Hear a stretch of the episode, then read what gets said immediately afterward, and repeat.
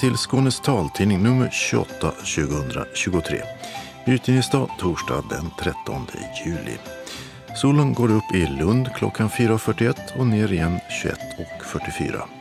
I studion Mats Sundling och Dodo Parikas. Tekniker är Gunilla Kracht. Och det här är innehållet. Valmyndigheten föreslår ett helt nytt sätt att rösta där man ska kryssa för partier och kandidater. Rörigt, det tycker Carl-Otto Rosenqvist som engagerar sig i valfrågor. Han hade gärna sett att förra årets arbete för personröstning med bibehållen valhemlighet fått fortsätta. I Paris har VM i parafriidrott börjat med två synskadade svenskar på plats. Längdhopparen Olof Friberg känner formen komma efter vårens skadebekymmer. Och detsamma gäller Tobias Jonsson som är välmeriterad konkurrent i samma klass och rumskamrat. Äntligen dags för ett stort mästerskap, säger han. Öppnat och stängt med hopptorn och kyrktorn. En gång var de först och störst med tusentals deltagare i diskussionerna. Men nu lägger Smartlist ner synskadade i Sverige och andra e-postlistor och en epok går i graven. Sommarserien Skånska dialekter handlar den här veckan om att som synskadad, medvetet eller omedvetet, träna bort sin skånska. Eller att behålla den. Evenemangstips med fiskehamn, fötter och föredrag. Och kalendern med fredspris, fotboll och Elvis. Anslagstavlan så med meddelanden och ändringar i kollektivtrafiken. Idag en gemensam tavla för hela Skåne. Och allra sist redaktionsrutan. När ska det bli möjligt för synskadade att personrösta med bibehållen valhemlighet? Ja, I höstas stoppades arbetet med att ta fram hjälpmedel som skulle göra det möjligt då regeringen i sin budget strök den delen av anslaget till Valmyndigheten. Under politikerveckan i Almedalen på Gotland nyligen ordnade Valmyndigheten ett seminarium där man presenterade ett helt nytt förslag till hur valen ska gå till. Att rösta med enhetsvalsedlar istället för partivalsedlar. Anna Nyqvist är kanslichef på Valmyndigheten. Ja, Valmyndigheten anser och har påtalat efter många val i rad att det är av stor vikt att det svenska valsedelssystemet ses över och det är i syfte att förenkla, förbättra och skapa ett mindre sårbart system som både ökar säkerheten i svenska val och bibehåller det höga förtroende som finns för valgenomförandet. Och att förenkla för väljarna och öka tillgängligheten är en viktig del av den förändringen. Och det här utkastet då till ny valsedel det går ut på att istället för att det ska finnas en valsedel för varje parti och för varje val, eller kanske många valsedlar för varje parti och varje val, så ska det finnas en enda valsedel där man kryssar i vilket parti man röstar på. På vilket sätt gör det det enklare? Det var en valsedel per val vi presenterade. Så när det är val till riksdag, region och kommun så, så skulle det i så fall vara en valsedel, alltså tre valsedlar per person. Med ett sånt system som man brukar kalla enhetsvalsedelssystem så bedömer vi att det skulle vara enklare att skapa en överskådlighet av valsedlarna och alternativen att rösta. Under valet 2022 Eh, så var det i ganska många vallokaler så många valsedlar som 103 stycken bakom en skärm. Och att då hitta den valsedel för det parti man själv vill rösta på är inte helt enkelt. Så att det här är en överskådligare lösning och som kan förenkla processen i vallokalerna avsevärt och som också förenklar distributionen av valsedlar för partier. Men huvudskälet är att göra det enkla för väl, enklare för väljarna och möjliggöra en process där man inte har köer.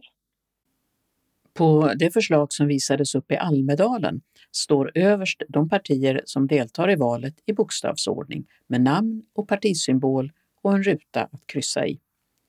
Under det ett rutsystem där man om man vill kan kryssa för numret på den kandidat man vill personrösta på. Och det kräver nytänkande av väljare och av partier, säger Anna Nyqvist på Valmyndigheten.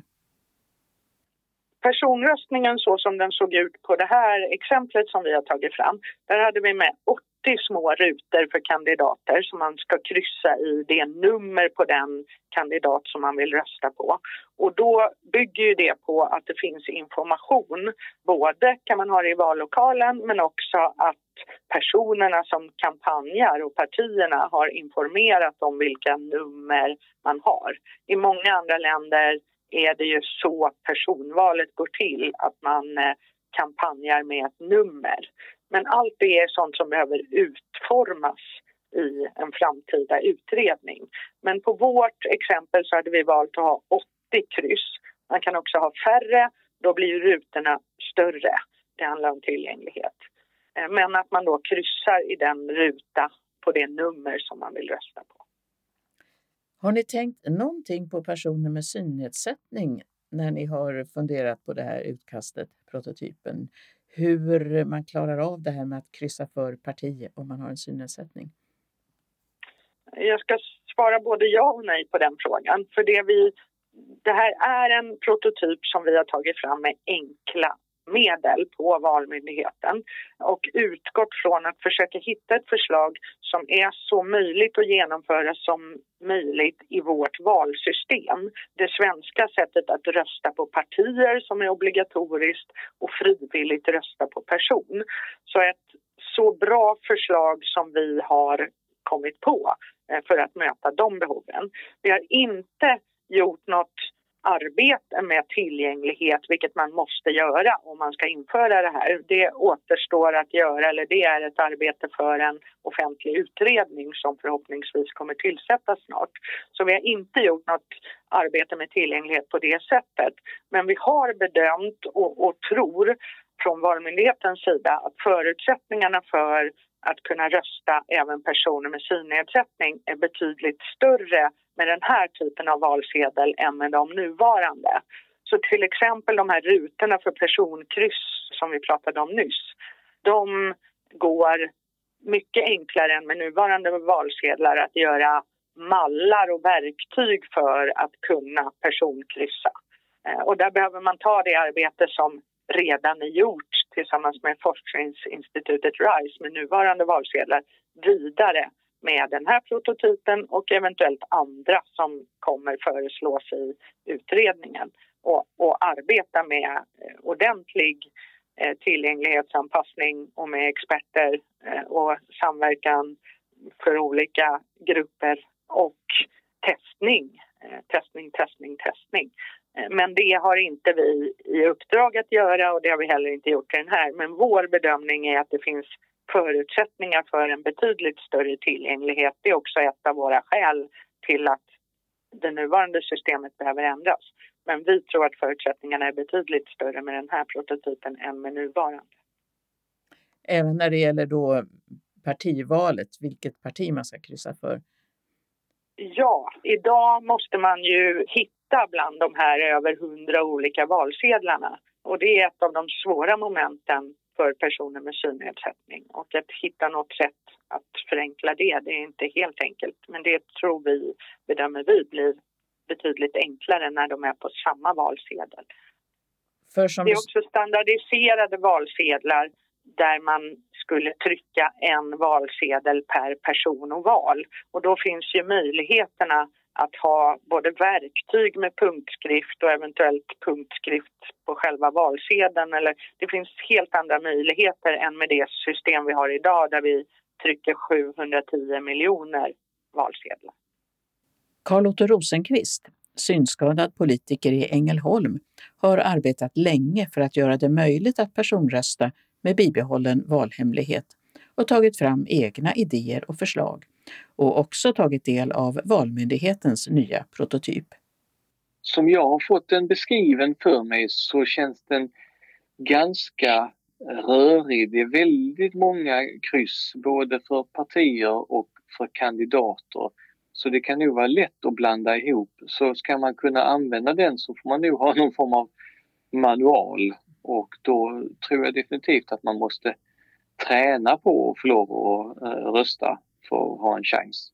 På Valmyndigheten så säger man ju att man ska kunna använda det arbete som gjordes eh, förra året för att göra personröstningen tillgänglig. Tror du att det är möjligt i ett nytt system? Bekymret för mig som synnedsatt är ju att man har ju aldrig kommit i mål. Vilket innebär att då börjar man ju om och så börjar man om och så börjar man om. Så att det är ju det som jag kan tycka är lite ledsamt. För hade man fortsatt med det, fått lov att fortsätta för regeringen, det här eh, befintliga projektet man startade upp, då hade man ju kunnat komma i mål med det och så kan man lära sig utav det när man väl liksom har testat det. Men nu, nu hinner man liksom inte testa förrän det är dags att starta om. Det nya förslaget till enhetsvalsedel har Valmyndigheten tagit fram på eget bevåg som ett diskussionsunderlag. Tidöavtalet mellan regeringspartierna och Sverigedemokraterna säger att en parlamentarisk kommitté ska tillsättas för att se över det svenska valsystemet. Men det har ännu inte gjorts och det gör det svårt att hinna få fram ett nytt system till nästa val, säger Anna Nyqvist. Det har gått så pass lång tid sedan valen i september 2022 så att eh, bedömningen är att det är svårt, kanske inte omöjligt. Men det, hur lång tid det tar, det handlar mer om den politiska processen än om själva arbetet med utformning och testning och implementering i valadministrationen. Och det är förstås viktigt att man inte ändrar ett val valsedelsystem eller delar i valsystemet hastigt eller flyktigt utan det behöver utredas och implementeras ordentligt. Så det, det börjar vara på, på håret till valen 2026. Carl-Otto Rosenqvist tror inte att ett nytt valsystem finns klart till de allmänna valen 2026. Det som då är bekymret att om man inte hinner färdigt till nästa val 2026 så har man ju förvisso inte försämrat det men man hade möjlighet att förbättra det. Och den chansen har man försuttit. Så att då är det 29 eller 30 och det var väl tyvärr det jag sa redan sen innan. Det är lite, lite ledsamt men eh, jag älskar att ha fel i sådana här situationer. Det sa Carl-Otto Rosenqvist, politiker i Ängelholm. Vi hörde också Valmyndighetens kanslichef Anna Nyqvist. Och reporter var Birgitta Fredén. I Paris har VM i parafriidrott börjat och i längdhoppningens synsvag klass T12 tävlar Tobias Jonsson och Olof Ryberg mot varandra. Bägge har haft en krånglig uppladdning med skadebekymmer men nu är formen på gång. Olof Ryberg från Göteborg har varit med i två VM tidigare och kom på åttonde plats i Paralympics i Tokyo.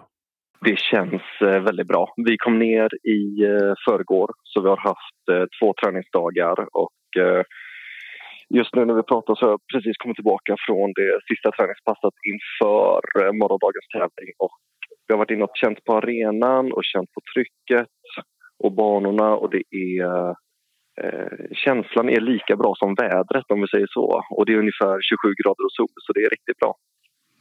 Bra förutsättningar då med andra ord. Hur är formen då? Formen är stigande.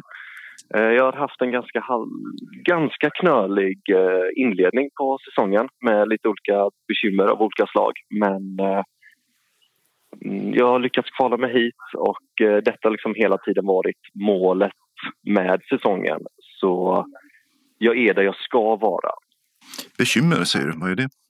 Det har varit eh, lite lättare skadekänningar, eh, lite det så här, eh, lite det privata som har strulat men eh, träningen har ändå rullat på och varit en väldigt trygg och stabil punkt hela tiden genom detta. Så det, det är väldigt skönt att eh, vara här på plats trots allt. Längderna, hur långt har du hoppat i år? Måste vi prata om det? Nej, det har inte varit någon, som jag nämnde, det har varit en strulig inledning på säsongen. Så det, det har inte varit några längder som är värda att prata om. Men eh, jag har definitivt längderna i kroppen. Träningen de senaste veckorna har gått väldigt bra och eh, det senaste längdpasset kändes riktigt, riktigt bra. Så um, jag vill inte lova för mycket men eh, det finns perslängder i kroppen. Skador brukar betyda att tekniken släpar lite efter. Timing och tryck i benet. Och... Exakt. Men det, det är så pass långt bakom nu att det inte kommer påverka. Mm. Eh, och för nytillkomna T12-klassen, vad innebär det i längdhoppet egentligen? Det innebär att man ser ganska dåligt, för att inte säga dåligt. Inom paraidrotten så existerar det tre stycken synklasser där T12, eller 12 då, är den som ligger i mitten. Så man brukar säga att man ser runt 5-6 procent. Eh, vissa ser lite mindre, vissa ser lite mer. Det har med synfält och sånt där att göra också. Och vi hoppar med zon, vilket skiljer sig då från eh, Elvis 13-klassen och eh, om man ska säga så, friskidrotten som hoppar med planka.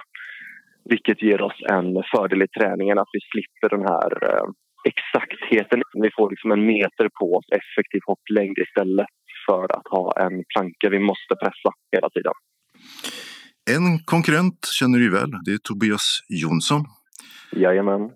Ja, är ni mer konkurrenter än ja, alltså, jag, jag, skulle säga att vi är mer äh, vänner, kompisar, kollegor än konkurrenter. Äh, just nu är vi också rumskompisar, vilket gör det hela ännu mer intressant. Så det, det, det, är fantastiskt att ha Tobias med sig på de här tävlingarna. Han är till att börja med en fantastisk atlet och eh, otroligt erfaren. Eh, och dessutom en eh, underbar, vänlig själ som eh, framförallt när jag var ny i landslaget verkligen tog mig under sina vingar och liksom alltid gör att man känner sig eh, välkommen och uppskattad. Eh, så det är, det är underbart att eh, vi är två stycken som delar på det här. Mm. Kommer du att slå någon i längdhoppsgropen då? Jag tror att vi båda har potential att skapa en fantastisk svensk kamp.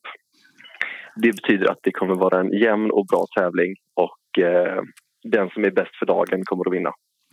Konkurrensen i övrigt, det är 12 deltagare så 10 till. Hur ser den ut? Och vad kommer att krävas för att säg ta en medalj? Tror du? Jag tror att för medalj så kommer vi titta upp mot eh, 680-690 troligtvis. Eh, det beror alltid lite sådär år till år, det varierar men eh, det är höga, höga sex i alla fall som kommer att krävas. Eh, och där, jag vet inte om jag befinner mig där just nu. Alltså får jag på hela skiten så är det klart att då, då flyger man. Men eh, för mig, jag kommer vara riktigt nöjd om jag kommer härifrån med ett 650 hopp. Sen om man tittar framåt, VM är ju stort nog kan man ju säga, men nästa år i just Paris så är det Paralympics och det har du sagt tidigare att det, dit vill du. Absolut, det är ju där eh, det, det är den alltså, långsiktiga satsningen som uh, går däremot just nu. Detta är en anhalt. Och det är ju så nu att uh, kvotplatser börjar delas ut det här mästerskapet. Så topp fyra kommer att få en kvotplats till sitt land och så är det lite andra tävlingar nästa år. Det, vi har ett uppskjutet VM nästa år också där man också kan plocka kvotplatser. Så Paris Paralympics 2024 är ett eh, görstort mål och verkligen en dröm. Och den resan har pågått länge men detta är första stora milstolpen dit. Sa längdhopparen Olof Ryberg, intervjuad av Mats Sundling. I VM-längdhoppet får Olof Ryberg alltså tuff konkurrens från sin rumskamrat Tobias Jonsson från Bollnäs. Han är den mer välmeriterade av de två med bland annat ett VM-silver från 2017 på meritlistan. Efter Paralympics 2021 var förra året lite av ett mellanår, berättar han. Men nu är det äntligen dags för ett stort mästerskap. För det första kan jag säga enklingen att det är ett mästerskap i år.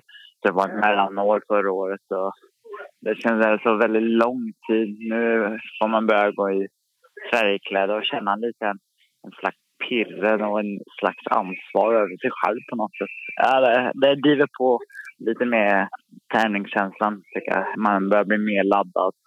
Sen har det väl varit lite turbulens i våra. Fick plötsligt en känning i baksidan som kom tillbaka och lite så här jobbigt att man har fått kriga sig upp i formen hit då. Men jag upplever att varje vecka nu har det blivit jättebra. Tävlingarna just nu har väl inte gått lika bra i sommar. Men det har varit lite yttre delen av förhållandena som har påverkat väldigt mycket. Jag har haft ganska otur med vädret de senaste. Men här är ju strålande solsken så ja, och en bra stämning. Så det blir skitbra. Ja, väder och längdhopp hänger lite ihop. Ni gillar inte när det är kallt och blåsigt och regnigt. Nej, och, och regnigt, nej. Precis. Förra veckan hoppade jag i verken ösregn och blaskiga banor typ, så det var ingen vidare. Nej, men det känns jättebra. Eh, nu då, jag känner för varje vecka och alla mina pass jag gjort har blivit bättre och bättre. Och hastigheten har gått mycket upp mer nu. För längden är ju väldigt viktig med hastigheten. Och jag känner nu bara släppa lite mer. Vad jag räknar med i mästerskapen det är väl mer... Jag har inte så jättehöga mål för det har varit så osäkert så jag ska inte säga att jag är underdog mot motståndare men jag blir lite så här... Hoppas så långt jag kan. Mm. Hur långt har du hoppat i år? I år har jag inte hoppat mer än 6,40. Eh, det är ganska lågt med, men då har det varit mycket av yttre delen av det förhållandevis med väder och sånt. Kan jämföra det med att du hoppade nästan sju meter förra året. Precis, och då var det nog i augusti och då har man haft väldigt mycket tid. Och det är så, när jag hoppade nästan sju meter, då var det inga skador eller problem som bromsade upp farten. Och sen när det handlar om att vara våga också och inte vara rädd för att hända något. Och det är jag inte nu. Nu går det väldigt bra. Mm. Men man vet aldrig. Mästerskap är alltid mästerskap. Det handlar inte alltid om resultatet där, men det gäller ju bara gilla läget att komma in bra. Mm. Du har tidigare tävlat i just sprint. Det går ihop med farten i längdhopp också, men nu är det bara längdhopp. Precis. Där vi har fokuserat väldigt mycket på att komma tillbaka. Det, absolut, jag har fokuserat väldigt mycket på sprint nu, men efter det längden jag, och den sträckan jag jobbar väldigt mycket på så upplever jag tränaren att det, det är det viktigaste vi behöver få upp. Det är speed och på en kort sträcka eh, som jag kan känna mig trygg och kan jobba ut bra till hoppet. Och det har ju sett väldigt bra ut de senaste passen. Och så, I alla fall igår så det är väldigt bra ut. Så det, det, känns bra. Jag ska inte säga att jag inte är nervös, för det blir jag alltid på mästerskap. Men just att känna oron har man haft lite de senaste veckorna. Men nu känns det som nästan lite mer som vanligt. Så får vi hoppas på det bästa. Lite så. Ja, vad hoppas du på? Alltså resultatmässigt?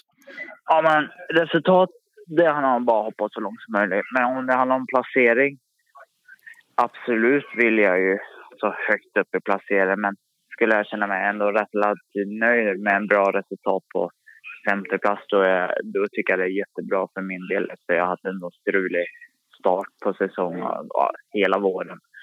Då blir jag jättenöjd. Men extra nöjd skulle jag väl vara om jag kom till fjärde plats. I alla fall för att få en kvotplats till eh, Paralympics nästa år. Eh, så någonstans där. Och sen absolut kommer jag inte ge mig för jag, för jag sitter så högt upp mot medalj. Men mer sannolikt mot femte, fjärde. Men har jag en bra, riktigt bra dag imorgon och slut, då kan det bli långt. Sa längdhopparen Tobias Jonsson som tävlar i synsvagklassen T12 och den avgörs alltså på onsdag nästa vecka. Reporter var Mats Sundling. Öppnat och stängt. I Klagshamn söder om Malmö har en badplats invigts. Den ligger vid Kalkbrottssjöns östra sida och har pontonbryggor och ett hopptorn bredvid en redan befintlig grillplats. I Beddingestrand har ett våffelcafé öppnat vid Villa Beddingestrand. Och där serveras både matvåfflor och dessertvåfflor med mera. Adressen är Beddingestrandväg 82. I Glemmingebro invigs kyrkan efter en flera år lång renovering nu på söndag den 16 juli med mässa klockan 10 och mingel. Bland annat finns där nu ett nytt kyrktorn, något lägre än det tidigare. I Brunkelstorp utanför Osby har kaféet Jeppsons Loge öppnat. De har öppet i sommar, fredag till söndag mellan 11 och 17. I Sjöbo har butiken Norregatans skor utförsäljning för att sen stänga för gott. Adressen är Norregatan 9. Och i Sjöbo har färgaffären Colorama på Västergatan 8 utförsäljning och öppet endast tisdagar och torsdagar. Den sista augusti ska man stänga för gott och innehavaren gå i pension. Kristianstads Tennisklubbs äldsta tennishall har öppnat efter en hel renovering. Hallen är en av Sveriges äldsta och togs i bruk första gången 1935. I Kristianstad har en pop-up restaurang öppnat vid Lilla Torg som heter Dear Monkey. Den håller öppet till och med den 31 augusti och där serveras både lunch och kvällsmat. Och i Kristianstad har också Tappad öppnat. Som namnet antyder handlar det mycket om öl men även mat därtill. Öppet tisdag till lördag mellan 16 och 22 på vardagar och mellan 14 och 23 fredagar och lördagar. Adressen är Kardellsgatan 19. Den sista november går en epok i graven. Då läggs Smartlist med synskaderelaterade e-postlistor som Vardagsliv, Hackerlistan och Synskadade i Sverige ner efter att ha funnits i olika former i 30 år. Den senare, så kallade SIS-listan var landets första och största i sitt slag med som mest tusentals deltagare och hundratusentals mejl i alla möjliga ämnen. Smartlist startades på 90-talet innan internet och sociala medier slog igenom av Joakim Kohlman och eh, Joakim Nemell, två teknikintresserade killar med egen synnedsättning och de har drivit den sedan dess. Men nu har aktiviteten på e-postlistorna blivit så liten att de beslutat lägga ner, berättar Joakim Nemell. Ja, det stämmer. Vi lägger ner efter ja, 20 eller 30 år, då, lite beroende på hur man räknar. Tyvärr. Varför lägger ni ner? Det är framförallt två orsaker. Det ena är den kraftigt minskade användningen när E-post har ju blivit ett ganska omodernt sätt att kommunicera på till förmån för Facebook och andra kommunikationstjänster. Eh, och det andra är att den plattform vi har, den tekniska plattform vi har använt oss av de senaste ja, nästan tio åren går ut i sin tekniska livslängd. Så att framåt årsskiftet här så stängs den ner och då tvingades vi välja på att bygga om det från början eller lägga ner. Och då kom vi fram till beslutet att det finns inte längre underlag för att göra det. För den som inte vet, vad var eller är Smartlist och e-postlistorna för någonting? Ja, eh, Smartlist var ju en portal, eller en samling, eller är en portal och en samling av e-postlistor. Och när vi startade upp det här en gång för länge sedan så bestämde vi oss att vi skulle ha en inriktning på just eh, funktionsnedsättningar. Att kommunicera via e-postlistor det var, det, var, det var ett väldigt stort kommunikationssätt ja, 90-talet och början på 2000. Så det var inte så unikt, men vi ville då starta upp en liknande tjänst som bara inriktade sig på funktionshinder. Så vi ville göra ett eh, enklare system och ett snabbare system som blev lättare att navigera sig i för medlemmar. Så vi eh, har haft eh, väldigt mycket e-postlistor med olika inriktningar genom åren. Och först och störst var ju den som då kallas för synskadade i Sverige, eller SIS. Sen har vi haft eh, olika tekniska e-postlistor för diverse skärmläsare och... JAWS-listan? Eh, ja. Hackerlistan för alla andra IT-frågor, om jag minns rätt.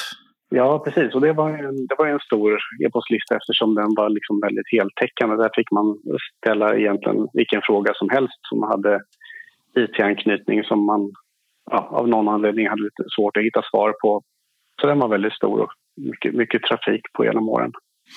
Ja, hur mycket trafik har ni haft egentligen? Alltså hur många användare och hur många mejl har det skickats i alla de här olika grupperna?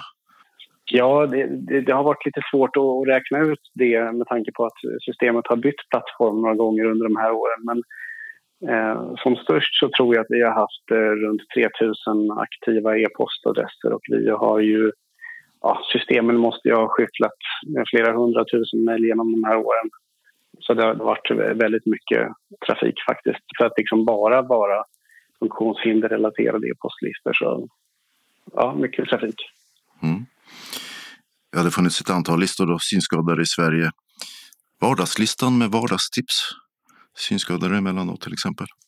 Ja, precis. Och den handlade mycket om matlagning och sådana tips. Och sen har vi haft eh, eh förutom hackers så var ju voice-over-listan den som växte sig väldigt stor efter 2010 kan man säga då när den första tillgängliga iPhonen kom. Eh, 2009 så då växte ju intresset och behovet eh, av hjälp och stöd kring användningen av det. Eh, och så har vi haft eh, ledarhundslista helt enkelt för alla ledarhundsförare med eh, intresserade företag och föreningar och SRF och sådär. Och vi har också haft diverse listor för spel specifikt för schackspelare men också haft generell lista som då heter synspel då, som, ja, där man hjälptes åt att tipsa om eh, tillgängliga både analoga men framförallt var ju den listan tänkt för liksom digitala PC-spel som lämpade sig när man inte såg. Och allt det här gjorde ni gratis, du och Joakim Kohlman. Tog inget betalt för det? Nej, det, det började som ett ideellt projekt på kul kan man säga. Det kom sig av när det här modemuppringda BBS-nätverket som då hette Fidonet i början på 90-talet. Där, där fanns ju den här synskadade i Sverige som ett forum som var väldigt stort. Och när, när den eran upphörde så flyttade vi och skapade det här och flyttade det till internet och då blev det e-postbaserat istället. Och det, det var ideellt och försöka vara roligt. Och det, det fortsatte så och vi eh, har väl alltid trott att det har varit, alltså e-postlistor generellt, oavsett vilket ämne man pratar om så har det ju aldrig funnits någon direkt liksom, ekonomi i det. Så att, eh, det har nog heller aldrig liksom varit möjligt att göra det till betaltjänst och det, det övervägde vi heller aldrig. Men det hade nog varit svårt också tror jag. Så ni har lagt ner både arbete och pengar då får man anta? Ja, men precis. Framförallt, eh, framförallt mycket tid har det ju tagit. Eh, och vi har ju som sagt bytt plattform några gånger om året och vi har, vi har använt mycket färdiga system som har funnits på internet då, men, men behövt anpassa dem ganska mycket och vi har byggt hemsidor och för att liksom eh, kunna ha information och, och arkiv för listor och allting sånt där. Så det har varit mycket eget pyssel som det ju alltid är när man håller på med sådana internetsystem. Det är aldrig någonting som är helt eh, färdigt out of the box så att säga. Så framförallt tid och en del pengar också som eh, vi har ju alltid drivit det här med våra privata medel så att säga. Jag har själv kunnat se att det var väldigt aktivt förr om åren, men på senare år så har aktiviteten minskat radikalt. Eh, så att man blir nästan överraskad över att det kommer ett mejl. Hur stor trafik är det idag? Ja, men absolut. Och det, den, den stora nedgången, eh, ja, det kan man ju analysera och fundera över. Men det ligger väl i linje med användningen av Facebook har ökat och Facebookgrupper och, och så. Men eh, så det har minskat successivt eh, under åren och framförallt kanske de senaste framförallt fem åren kanske. Då. Nu handlar det om något eller möjligen några mejl i veckan så det är, det är extremt få som eh, är aktiva och använder det i nuläget. Jag är lite osäker på, vi har ju en del liksom, föreningar som har sina slutna e-postlistor för styrelseverksamhet och sånt där. Så, så där är, är jag inte inne och rotar och kollar trafiken på. Men, men så där kan det vara så att det förekommer lite grann. Men det är inga stora föreningar. Men de här offentliga publika listorna är i princip ingen trafik på alls längre. Hur känns det? Eh, det är, det är extremt, det är extremt vemodigt faktiskt. Vi, vi har ju som sagt hållit på med det här så himla länge och vi... Ja, det, det har ju, Smartlist har ju varit en väldigt stor, eh, liksom, tror jag, bidragande, alltså till stor hjälp för väldigt många. Så det, det känns eh, både som så här, tekniskt nostalgiskt att e-post som, som jag fortfarande tycker är ett fantastiskt kommunikationsform som kanske fortfarande inte överträffas av så mycket annat. Att det liksom håller på att dö ut och att vi på en del sätt använder sämre verktyg än vad som vore nödvändigt. Eh, men sen också liksom alla, alla människor och kontakter och ja, roliga diskussionsämnen som det har varit genom åren känns otroligt vemodigt. Det sa Joakim Numell som tillsammans med Joakim Kohlman alltså startade och åtminstone ett litet tag till driver Smartlist med sina e-postlistor för synskadade. Reporter var Mats Sundling. I vår sommarserie Skånska dialekter ska vi idag ägna oss ganska mycket åt rikssvenska. Det ska nämligen handla om att som synskadad träna bort sin skånska, medvetet eller omedvetet, eller att behålla den. Och vi börjar på Tomtebodaskolan där många elever upplevde att de borde träna bort sin dialekt. Rune Persson blickar tillbaka och minns hur han valde att fortsätta tala skånska, fast omgivningen tyckte något annat. Det var väl två stora grupper kan man säga, skåningar och göteborgare och de pratade sina dialekter där. Jag bodde hemma hos mina föräldrar så jag hade inga problem med att bibehålla dialekterna. Min bästa kompis umgicks jag väldigt mycket med på skolan som kom från Landskrona. Och mina föräldrar eh, och jag umgicks med på andra familjer som också kom från Skåne så att skånskan har ju bibehållits mycket. Det gjordes ju försök på skolan med alla. Det fanns en lärare som hade talövningar och försökte få alla att eh, prata som hon sa rikssvenska. Eh, lyckades med en del, men, men det lyckades ju inte med. Jag hade aldrig något intresse av att det skulle lyckas för att eh, jag brydde mig inte om det där. Var det så att du aktivt gjorde motstånd för att uh, slippa? Jag, jag var väl på de här övningarna, men jag, jag brydde mig inte om dem. Så det kan man säga att svaret är ja. Och hur reagerade läraren på att du inte brydde dig om det? Hon försökte och försökte ett tag, men sen, sen blev det inte så mycket med, med det. Men vad menar du med att hon försökte? Vad gjorde hon konkret? Vad fick ni göra? Ja, vi fick gå på talövningar och försöka få de här ären som fortfarande inte kan till exempel och använda rätt ord och sånt. Så att eh, likrikta alla på något sätt, alla skulle prata likadant. Att det skulle bli lätt förståbara så alla kunde förstå oss. Jag vet inte hur de tänkte. Om du hade blivit av med skånskan och eh, tränat in rikssvenska, hade det ändrat din självbild? Alltså hur mycket av dig är att du pratar skånska? Ja, det är en bra fråga. Jag vet faktiskt inte hur det är men eh, jag är ju född i Lund så att jag vill vara Lundabo kan man säga så tillvidare. Så att eh, det, det har nog en del betydelse. Även, man kan inte tänka på det dagligen. Jag tror det, att det har betydelse. Men hur ser du på det faktum att uh, man faktiskt försökte ändra elevers sätt att tala? Ja, det var ju lite övergrepp kan man väl säga. För personligheten så kan man säga att de försöker påverka en. Ja, jag tycker inte det var bra tycker man ska få vara som man är. Till skillnad från Rune Persson så bodde Gunilla Nilsson på Tomtebodaskolans internat medan Runes föräldrar hade flyttat upp till Stockholm och han bodde hemma. Idag talar eh, Gunilla till skillnad från Rune ingen skånska. Men när hon började första klass så gjorde hon fortfarande det. Jag tror att jag åtminstone den första tiden, kanske något halvår eller kanske något år, prata skånska. Men eh, sen tror jag att jag gick över eh, helt till rikssvenska. Och hur eh, gick den här övergången till?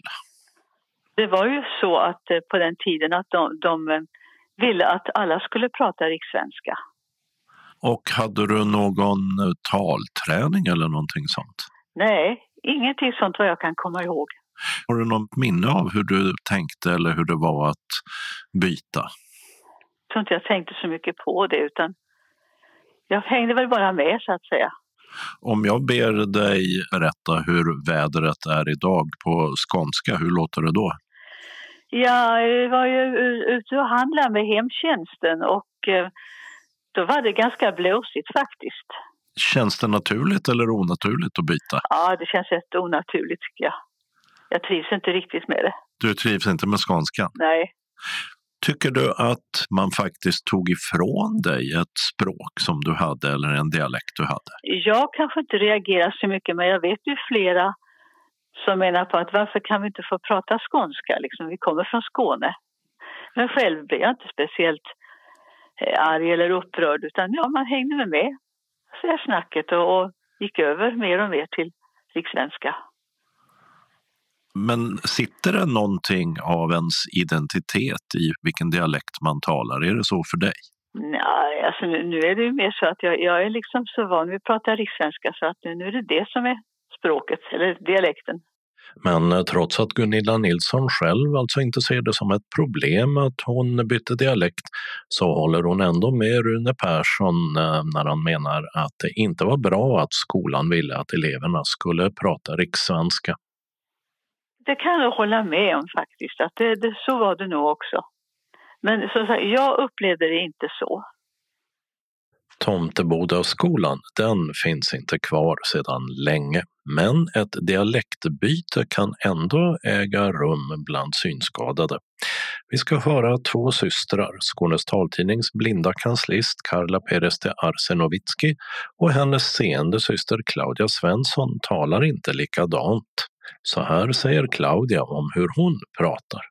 Ja, alltså jag har bott i Malmö nästan hela, hela mitt liv. Eh, just nu bor jag i Arlöv och eh, det beror på att människor jag har mött och eh, klasskamrater och lärare har pratat den här dialekten.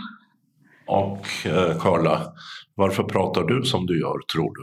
Kanske att under min skolgång så ehm, hade jag inte så många eh, jämnåriga som jag umgicks med utan det var mycket specialpedagoger, synpedagoger, assistenter, speciallärare och både utanför och eh, under skoltid som kanske inte hade så där jättebred skånska utan kanske en, en, ja vad ska man säga, nyanserad rikssvenska. Du sa till mig att du hade en lärare på Glimåkra folkhögskola som också hade en teori kring det här som passar ihop med det du tänker. Precis, flera år senare så hade jag en eh, punktskriftslärare eh, och vi lyfte under ett samtal just det här med hur det kom sig att jag som föddes och bor i Malmö och har växt upp i Malmö och sådär, att jag inte har någon bred skånska. Och då nämnde han det att eh, en, en tanke skulle kunna vara att eh, eftersom jag lyssnar på så mycket radio och ljudböcker och annan sorts eh, media som då inte har en, en bred skånska i allmänhet. Ehm, och att det på något sätt påverkar. Det här hade han då sett bland andra elever också. Karlas lärare på Glimåkra folkhögskola hette Arne Karlsson. Han är från Helsingborg och har för övrigt också gått på Tomtebodaskolan där även hans skånska slipades bort. Så här säger Arne Karlsson i backspegeln om sin teori kring hur Karlas rikssvenska formades av den språkmiljö hon växte upp i utanför sitt skånsktalande hem. Jag tror det är så, även om det inte är vetenskapligt på något sätt utan helt min egen teori att eh, om man är synskadad och lyssnar mycket på till exempel talböcker eller radio eller så formar man dialekten man pratar efter det.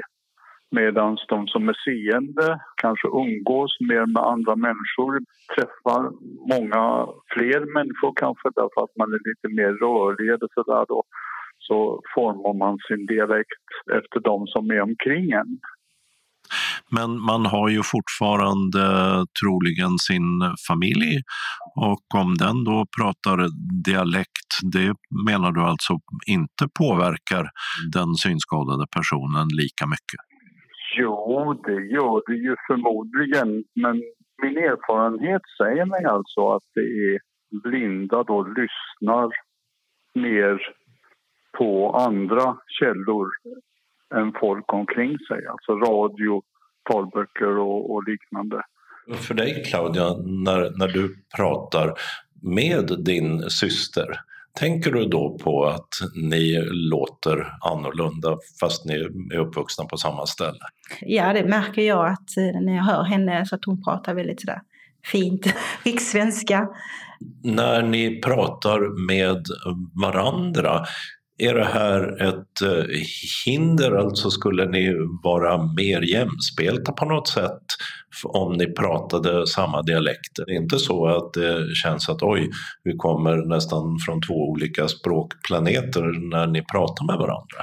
Det tycker jag inte. Jag tycker inte att det blir eh, två olika hur är det för dig, Karla? Nej, jag tycker inte det har gjort någon skillnad på det sättet att det har liksom eh, att det har förhöjt eller sänkt någon, någon slags status eller att det har gjort något med, med kommunikationen på något sätt. Att, jag tror inte ens att jag skulle kunna säga att, att Claudia med, med sin skånska har kunnat eh, ge nyans till, eh, till något eh, som hon säger ibland, att det, det skapar en annan nyans eller så med, med dialekt.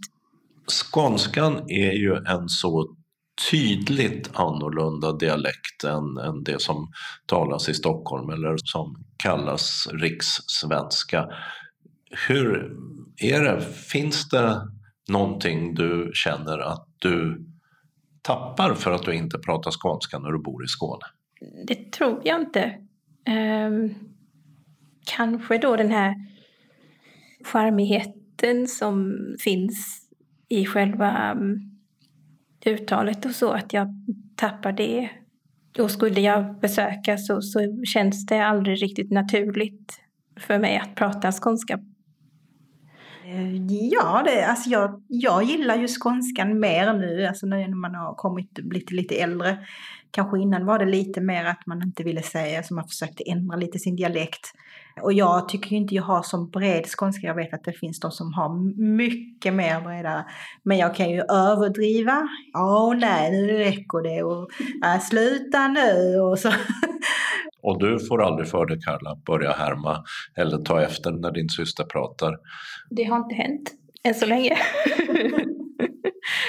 nej. Vad säger då en dialektforskare? Vi ringde upp Greta Horn som har släktrötter i Skåne och som arbetar på en doktorsavhandling vid Göteborgs universitet med utgångspunkt i just talad skånska. Vad säger hon om vad som påverkar människor när det gäller hur man talar eller inte talar dialekt? Jag har i min forskning intervjuat gymnasieungdomar som eh, bor i Skåne och försöker att se om tillhörande eller platsen där man bor, om det spelar roll för hur man pratar och hur man riktar sig, liksom om man tänker sig att man vill stanna kvar på platsen eller om man vill flytta därifrån och ser en framtid någon annanstans kanske. Greta Horn berättar om forskning som visar att eh, den, och då pratar vi om seende, som inte tänker sig att vara kvar på en plats inte är lika benägen att tala dialekten på den platsen.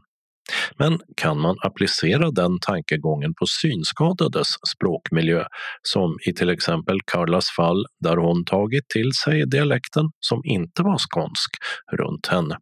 Ja, det beror ju säkert på vad man har för planer i sitt liv och så. Men man är ju säkert också påverkad av den närmaste omgivningen, det tror jag absolut. Och i mina intervjuer med tonåringarna så säger flera av dem att de har till exempel en förälder som inte pratar skånska så därför pratar de inte så dialektalt, säger de. Några säger att min bästa kompis var från Stockholm eller min mor och farföräldrar som pratar en annan dialekt. Att eh, det låter ju på dem som att de är påverkade av andra personer. Och den gamle läraren Arne Karlssons idé då? Den om att synskadade bland annat påverkas av rikssvenskan i talboksinläsningar, talsynteser, radioprogram och liknande jag tror inte det finns så, inte som jag vet om, ska jag säga, så mycket forskning kring hur det påverkar. Det är ju ganska nytt ändå, liksom hur vår miljö ser ut idag. Men jag tror absolut att det påverkar. Och, och vad, man, vad man hittar för förebilder och sen så använder man det man har. Och min består av framförallt människor som inte pratar ens dialekt så kan det ju bli liksom att man skolas in i det. Är det då skillnad på att som till exempel skåning i stor utsträckning befinna sig bland personer som talar rikssvenska och att lyssna på inspelat tal när det handlar om påverkan på hur man själv börjar prata? Man blir mer påverkad om man interagerar än om man bara hör. Språket, hur du pratar, ordval och dialekt och kanske sociolekt eller hur du väljer att uttrycka det. Liksom. Du anpassar dig ju lite i olika situationer, alltid. Men hur dialektalt du pratar är ju ett sätt att, att framställa dig själv. Jo, men det, det blir, folk blir oftast, de reagerar ibland liksom att oj, men du, det låter inte som att du kommer från, från Malmö, har du bott någon annanstans? Den reaktionen får jag. Och oftast vet jag tyvärr inte riktigt vad jag ska svara. Det finns ju en massa olika skånska begrepp som inte finns i rikssvenskan. Alltså jag menar, man hotar ingenting på rikssvenska och det finns inga klydderövar och det finns inte massa saker. Blir det skillnad på er? Använder du de, de skånska slangorden, Claudia? Ja, det brukar jag göra.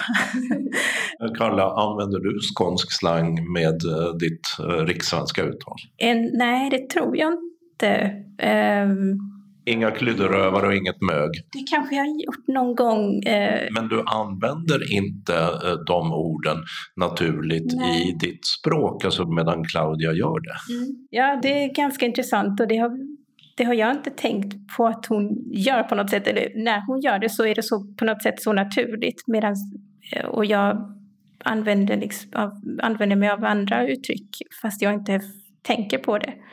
Ja, letar du efter något ord nu eller? Ja, det hade någonting med trafiktemat. Jag tror det var rama. Att man eh, har någon där bak i cykeln. Att man, ja, jag tror, och jag sa det bara, och så får man lov att rama någon i, och sen så var det några som, av lärarna som bara tittade så. De förstod inte vad det var. Ja, där jag kommer ifrån i Stockholm så har vi skjutsa. Ja. Vi har hört Rune Persson, Gunilla Nilsson, Arne Karlsson, Karla Perez Darsenovitsky, Claudia Svensson och dessutom Greta Horn, doktorand i nordiska språk vid Göteborgs universitet. Reporter var Dodo Parekas. Evenemangstips. Danne Stråhed och Dynamo spelar i hamnen i Kåseberga nu på fredag 14 juli. Scenen eh, ligger mellan två uteserveringar och det finns även öltält. Det går att boka bord för att äta till tidigast 18.00. Bandet börjar 20.00. Nordic säljer biljetterna som kostar från 275 kronor. Jag ville dansa med lyckan ingår i Sommarlunds program på Frankrikes nationaldag 14 juli 19.00 till 20.00 på Dansbanan i Lunds stadspark. Anna Bromé berättar då om Edith Piafs liv och många av Piafs sånger som La vie en rose och Non je ne regrette rien framförs här, men på svenska. Det är fri entré. På Sofiero gård ej att förväxla med Sofiero slottspark. I Helsingborg så konserteras det i sommar. Nu på fredag 14 juli spelar Wilmer X. Den 16 kommer Sofia Karlsson.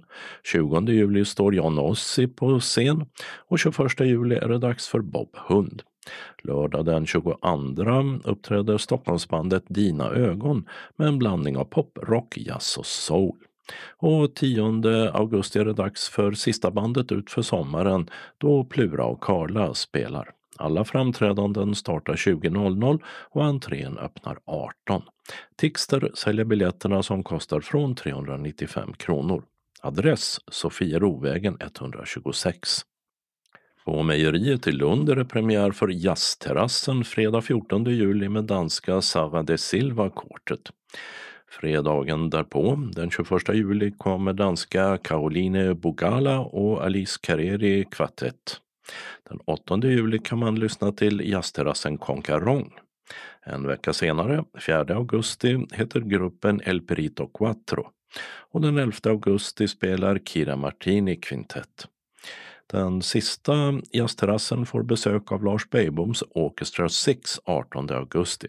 Alla spelningar startar 20.00 men redan 18.00 går det att få sitt bord och beställa mat. Biljetter köps via mejeriets hemsida kulturmejeriet.se som länkar vidare till Tixter. Pris 85 kronor för studenter, 165 för övriga. Frukostmötena med föredrag på Hamnplan i Simrishamn pågår för fullt. Nu på fredag 14 juli är temat Mellan ensamhetsträning och hallelujaflickor som handlar om författaren och genusvetaren Hanna Hallgrens egen småländska frikyrkouppväxt. Måndag 17 juli talar historikern Gunnar Wettergren om ingenjörerna som framtidens änglar med ett frågetecken efter. Tisdag 18 juli kommer författaren och journalisten Alba Mogensen. 19 juli barnboksförfattarduon Sara Snogerup Linse och Kure Talberg. 20 juli är temat Journalistik i lögnens tid med författaren och journalisten Göran Rosenberg. 21 juli berättar Mellanöstern-korren Cecilia Udén om Jerusalem. Pris 80 kronor per gång och då ingår frukost som serveras från 07.00. Föredragen börjar 8.30. Information fås på telefon 0703 71 77 73. Musik i sommarkväll med tankar inför helgen. Det är en återkommande programpunkt i Gualövs kyrka i Bromölla kommun. 15 juli blir det solokonsert med ackordeonisten Minna Verlander. En vecka senare, 22 juli, spelar jazzbandet Florence Ruth Quartet under rubriken En sång i en dröm. Lördag 29 juli blir det Italien-inspirerad musik och 5 augusti spelas önskesalmer medan avslutningskvällen 12 augusti har rubriken Gäst i sommarkvällen. Alla konserter börjar klockan 18 och det är fri entré. Det ordnas många sommarloppisar, inte minst på Österlen. Här följer några arrangerade av idrottsföreningar. 15 juli ansvarar Janstorps IF på idrottsplatsen Kämpavallen för loppisen. Insläpp från 13, försäljningsstart 13.30. Inträde 50 kronor, ingen parkeringsavgift. Samma dag har Spjutstorps IF loppis mellan 9 och 15 på Bäckavallen. Och 30 juli ordnar Branteviks IF loppmarknad på idrottsplatsen från 9.30. Försäljning från 10.00 av bland annat husgeråd, möbler, leksaker, böcker och trädgårdsartiklar. Gösta Werner-museet i Simrishamn besöks av en rad sommarföreläsare. 18 juli håller journalisten och författaren Lasse Wierup ett föredrag med rubriken Sverige, gangsterparadiset. 25 juli talar Svenska Dagbladets tidigare Brysselkorrespondent Rolf Gustafsson om det nya Europa. 1 augusti är titeln Peter Boysen, Ystads mästerarkitekt. Litteraturprofessorn och kulturskribenten Ivar Holmqvist är det som berättar då. Skånska slott handlar det om när journalisten och författaren Amelie Ehrensvärd Kardell föreläser 8 augusti och avslutar serien gör Kaj Gustafsson 15 augusti. Då handlar det om snapsvisor som han är världsmästare i tre gånger om fast eh, det är bara två länder som eh, deltar i tävlingen, Sverige och Finland. Alla föredrag börjar 19.00, adressen är Strandvägen 5, Simrishamn. I Stadsparken i Trelleborg är det musikföreställning med fri entré varje måndag 19.00. 17 juli spelas det rockabilly. 24 juli uppträder gruppen Folkdivision Följd av Bo Bistedts orkester. En kväll på Nalen blir det den 31 juli. 7 augusti står Trelleborgs musikkår på tur. 14 augusti är det körkväll och 21 augusti spelar Trelleborgs storband. Och 30 augusti är det final då Trelleborgs musikkår återkommer med Tapto. Alltihopa är alltså gratis. Musikteatersagan Nya fria fötter spelas av gruppen Apolloniaden 21 juli 14.00 på Vita scenen i Lunds stadspark. Föreställningen som ingår i Sommarlundprogrammet livesyntolkas av syntolkning.nu. Under Åhus visfestival 21 till 23 juli uppträder bland annat Thomas Di Leva söndag 23 juli 17.00, insläpp från 15. Detta på Absolut Home i Åhus, adress Vallgatan 5. Förköp säljs av Tixter och det kostar då 295 kronor. Sångaren Uno Svenningsson kommer till Klockarebacken i Skåne Tranås 23 juli 19.00. Och är man sugen på det kan man ta med sig picknick. Biljetter säljs av bland annat Tixter och kostar 450 kronor inklusive serviceavgift. Även ICA Kvantum i Tomelilla samt Växtkraft Rosenhagen i Skåne Tranås säljer. Hamnfestivalen i Limhamns fiskehamn och på Dragörkajen börjar 27 juli och håller på till den 30. Det blir dans, kultur och aktiviteter för alla, mat från hela världen plus tivoli med små karuseller med mera. 27 juli 17.00 spelar Silla-trion skånsk folkmusik och traditionell jazz på lilla scenen på Dragörkajen. 19.30 kan man från samma scen lyssna till Mundo Folk som influerats av latinamerikansk musik. 28 och 29 juli är det Melodikryss 12.00. Priser utlovas. Och ett av många evenemang på lilla scenen söndag 30 juli klockan 12 är hyllningsakten Dolly Parton Story. Även stora scenen i Limhamns fiskehamn har ett omfattande program som alla fyra dagarna börjar med yoga för alla 11.00 på förmiddagen. Ta med egen yogamatta.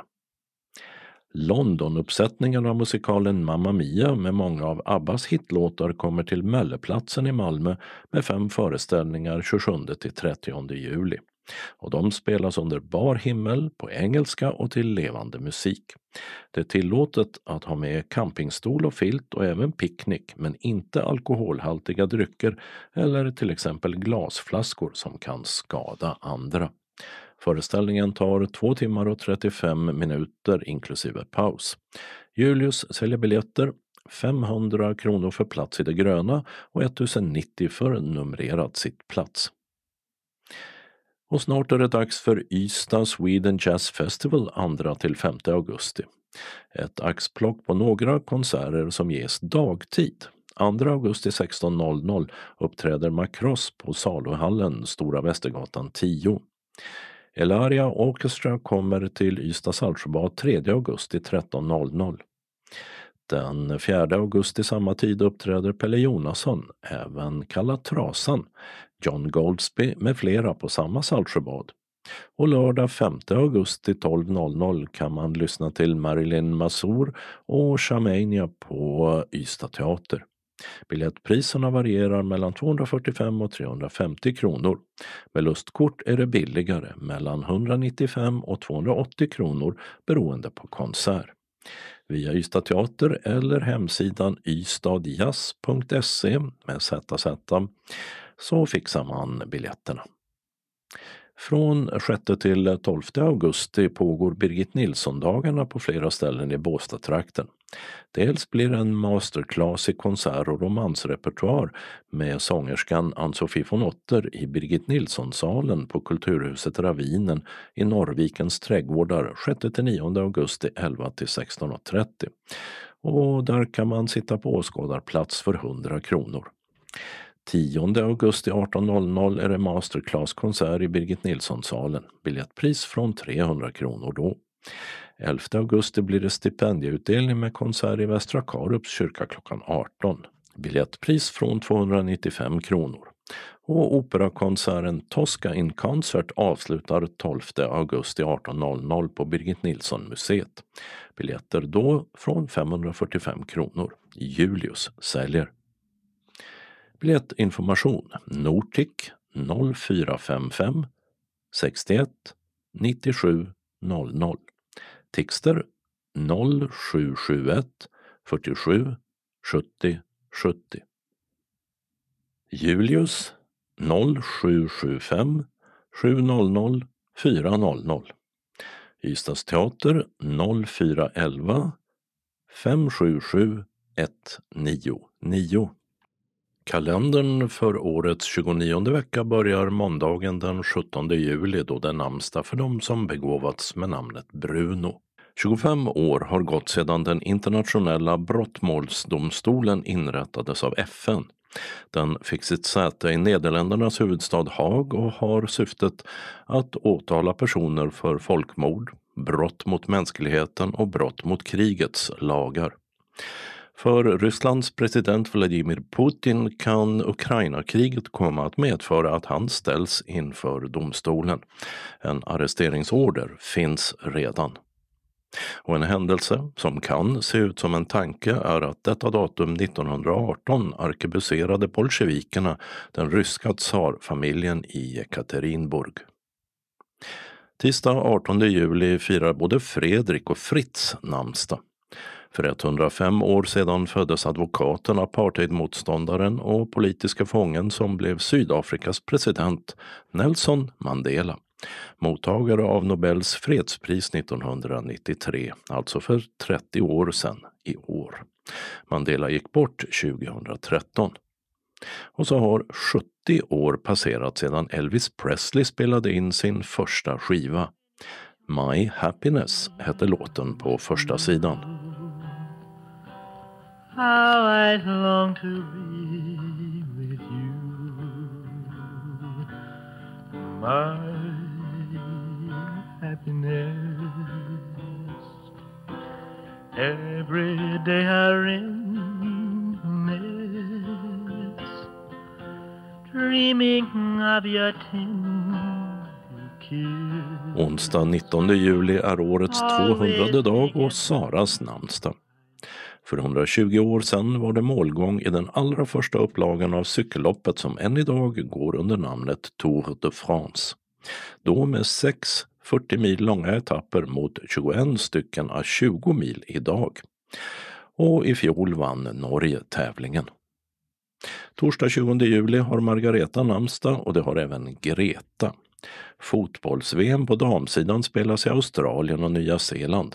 Sveriges första gruppspelsmatch spelas samma dag i Nya Zeelands huvudstad Wellington mot Sydafrika.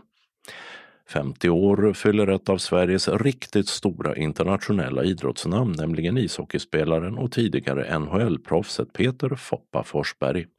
Och även Norges kronprins Håkon passerar halvsekelstrecket detta datum. Fredag 21 juli är Johannas namnsdag. Lördag 22 juli har Madeleine och Magdalena namnsdag. Och orienteringstävlingen O-ringen drar igång i Åre och håller på till den 28 juli. Söndag 23 juli är Egyptens nationaldag medan Emma och Emmy har namnsdag. I japanska Fukuoka börjar det veckolånga VM i simning med Sara Sjöström och Michelle Coleman som svenska stjärnenamn. Tre skånska damer och en herrsimmare tävlar, samtliga från Helsingborgs simsällskap, plus en reserv på damsidan från Landskrona. Den regionala delen av anslagstavlan börjar med att Region Skånes synmottagning för vuxna meddelar om ändrade öppet och telefontider i sommar. Vecka 29, det vill säga den 17 till 21 juli, stänger telefonerna och mottagningarna i Malmö, Helsingborg, Lund och Kristianstad klockan 15. Och vecka 30, alltså den 24 till 28 juli, är mottagningarna i Helsingborg och Kristianstad stängda. Telefonerna och mottagningarna i Malmö och Lund stänger klockan 15. Och vecka 31, alltså den 31 juli till 4 augusti, är mottagningen i Kristianstad stängd. Medan telefonerna och mottagningarna i Malmö, Helsingborg och Lund stänger klockan 15. SRF Malmö Svedala hälsar medlemmar också i andra SRF-föreningar välkomna till sommarens trivselträffar på Öresunds Funkis, före detta Handikappbadet. Varje torsdag mellan klockan 14 och 16.30. Personalen tar upp beställningar vid vårt bord och du betalar själv för ditt fika med kort, kontanter eller swish. Ingen anmälan behövs. Om du har några frågor kan du ringa till Maj-Britt på 070-324 6609 eller Helena 040-655 90 42 eller Mikael 0761 91 04 66. Boka bilen till Ribersborgsstigen 6. Vi möter upp om du behöver det och någon av oss stannar kvar tills alla fått sina färdtjänstbilar för hemresan. För medlemmar utanför Malmö Svedala utgår reseersättning som vanligt från SRF Skåne för resor utanför Malmö Svedala och de vill ha kvittot på resan inom tre månader efter att aktiviteten är genomförd. Välkomna hälsar styrelsen. Vi har ett referat från en utflykt med SRF Västra Skåne. En morgon i början av maj ger sig 16 medlemmar i SRF Västra Skåne iväg på utflykt. Kosan ställer vi norrut upp i Småland till riktiga tassemarker. Målet är Råshult som är Carl von Linnés hem. Efter en härlig smörgås och kaffe därtill är vi redo att följa med Linné själv på en liten promenad. Vi får höra allt som finns att höra om honom och alla hans växter. I trädgården till denna fina gård finns oräkneliga sorter av blommor att beskåda. Även ute på ängsmarkerna tas växtligheten tillvara och tack vare naturens egen gång är det mycket. Än idag drivs trädgården på samma sätt som för 200 år sedan. På ängarna slås fortfarande gräset med lie och tas sedan bort från de små tegarna. Efter skörden släpps klövdjuren ut på ängen och eftersom många fröna trillat av och lagts ovanpå jorden sköter klövarna bearbetningen så att fröna kommer i jorden och nya växter blir till. Verkligen värt ett besök och då gärna när sommaren står i full blom. Efter denna trevliga och givande guidning tackar vi för oss och återvänder hemåt. I Älmhult stannar vi för lunch. Vad är bättre än Ikeas köttbullar? Av guiden på detta företag får vi veta det mesta om både Ingvar Kamprad och hans livsverk. Bortåt eftermiddagen bär det söderut igen, men vi beslutar oss för att ta en fikapaus i Markaryd. Väldigt bra café med både nyttigheter och onyttigheter. Tack Monica för att du visade oss detta och var den sammanhållande länken för oss alla. För SRF Västra Skåne undertecknat Stina Bodil. SRF Sydöstra Skåne har också ett referat. Måndag den 19 juni var det dags för vår förening att ställa till med sommarfest. Ett tjugotal medlemmar samlades i Surbrunnsparken i Ystad. Det skulle grillas tjocka och smala korvar samt hamburgare. Medan dessa godsaker grillades blev vi underhållna av trubaduren Elisabeth Sar som sjöng, spelade gitarr och munspel. Många av sångerna var kända, vilket fick en hel del medlemmar att sjunga med. När vi började äta började det också regna. Först lite duggregn, men allt eftersom mera ihärdigt. Vi drog oss så småningom in i kabinen, en byggnad i parken Det var avnjöt kaffe och dammsugare. Trots vädret rådde en trevlig stämning under hela denna sommarkväll. Undertecknat Jonas Pettersson, pressombud. Den lokala delen av anslagstavlan är idag gemensam för hela Skåne. SRF Bjuvklippan Åstorp bjuder in sina medlemmar och medlemmarna i SRF Ängelholm Båstad och SRF Norra Skåne till följande aktiviteter. Kost och motion på Röstånga Gästis den 4 till 6 augusti. På programmet tipspromenader, bocciaspel och en föreläsning av en person som vi inte avslöjar i förväg. Vi har alltid haft väldigt trevligt under denna aktivitet med mycket skratt och samkväm. Dessutom lär man sig alltid något nytt av varandra som kan förbättra ens situation som synskadad. Framförallt om man har fått synskadan på äldre dagar. Avgift per person 1500 kronor för del i dubbelrum, 1750 för enkelrum. Anmäl er till er förening så fort som möjligt.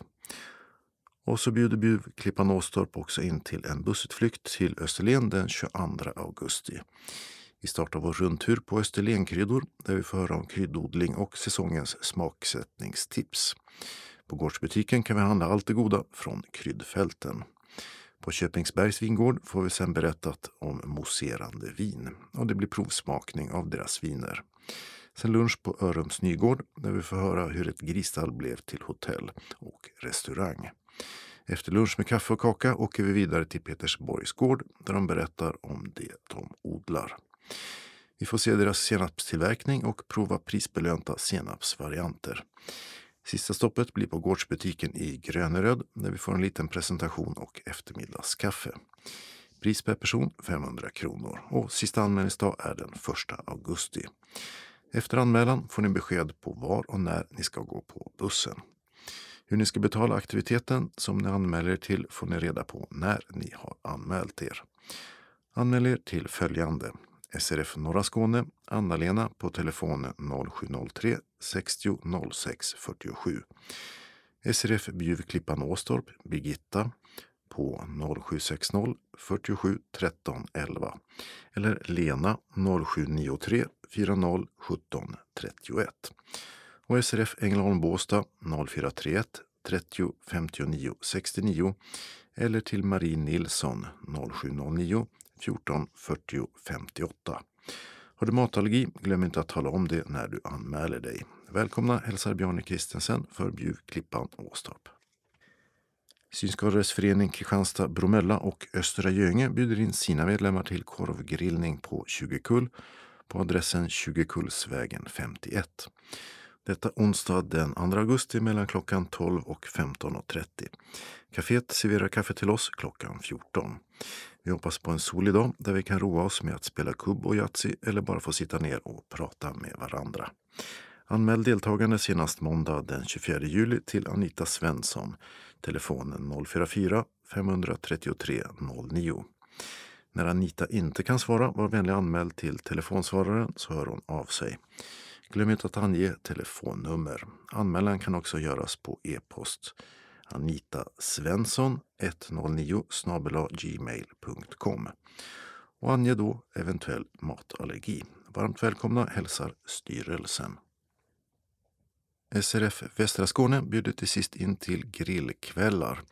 Nu på onsdag den 12 juni redan och onsdagen den 19 juli i SRFs lokal på Vaktgatan 3 i Helsingborg mellan klockan 16 och 18. Vi träffas vid föreningens lokal och baksidans grillplats. Var och en tar med sig något att grilla och dricka samt tallrik, mugg och bestick. Kansliet ordnar med det som hör till själva grillningen. Det bjuds på kaffe, te och liten kaka. Eftersom ingen vet hur vädret kommer att bli vill kansliet att alla anmäler sig. Vid dåligt väder blir grillning inomhus, vilket i så fall meddelas de som anmält sig. När kansliet är stängt kan man anmäla sig till Monica, mobil 0735 62 35 23 eller 0739 37 73 32. Vi avslutar med några tillfälliga ändringar i kollektivtrafiken. I Helsingborg har ett vägarbete dragit ut på tiden och hållplatsen Sundstorget läge A ska fortsätta vara stängd till på fredag den 14 juli klockan 16. Tills dess får resenärer med Skåneexpressen 11 och stadsbusslinjerna 1, 2, 3, 7, 8 och 22 använda den tillfälliga hållplatsen som ligger 50 meter framåt på Drottninggatan. Och I Malmö har ett arbete på Dammstorpsvägen blivit försenat och stadsbuss 6 och 84 hållplats Åkvagnsgatan fortsätter vara stängd till nu på fredag den 14 juli klockan 16 där med. Med hänvisning till hållplatsen Långhällagatan 400 meter västerut på samma väg eller Ventilgatan 350 meter österut på Topplocksgatan. Och stängt till dess är också Granbacken läge A. Här ersätter hållplatsen Risebergaparken A som ligger 750 meter åt nordost på Dammstorpsvägen. Och I Malmö fortsätter slutligen också ett stort arbete på Kalkbrottsgatan och Stadsbuss 4 hållplats Bunkeflostrand betalstationen stänger torsdag den 13 juli klockan 8. Närmsta alternativ är hållplatsen Hammars parkväg några hundra meter norrut och Bunkeflovägen lika långt söderut på Kalkbrottsgatan. Och så ska det vara där till den 21 augusti klockan 15. Och med det beskedet var det dags att sätta punkt för veckans Skånes taltidning. Nästa nummer kommer nästa torsdag den 20 juli. Skånes taltidning ges ut av Region Skånes psykiatri och habiliteringsförvaltning. Ansvarig utgivare är Martin Holmström. Postadress Jörgen Ankersgatan 12, 211 45 Malmö. Telefon 040-673 0970. E-post Skanes taltidning snabela skane.se och hemsida skanestaltidning.se. Observera att cd-skivorna inte ska skickas tillbaka till oss. Såväl skivor som kuvert kan läggas i brännbara sopor när ni inte längre vill ha dem. Vi hörs igen. Hej då!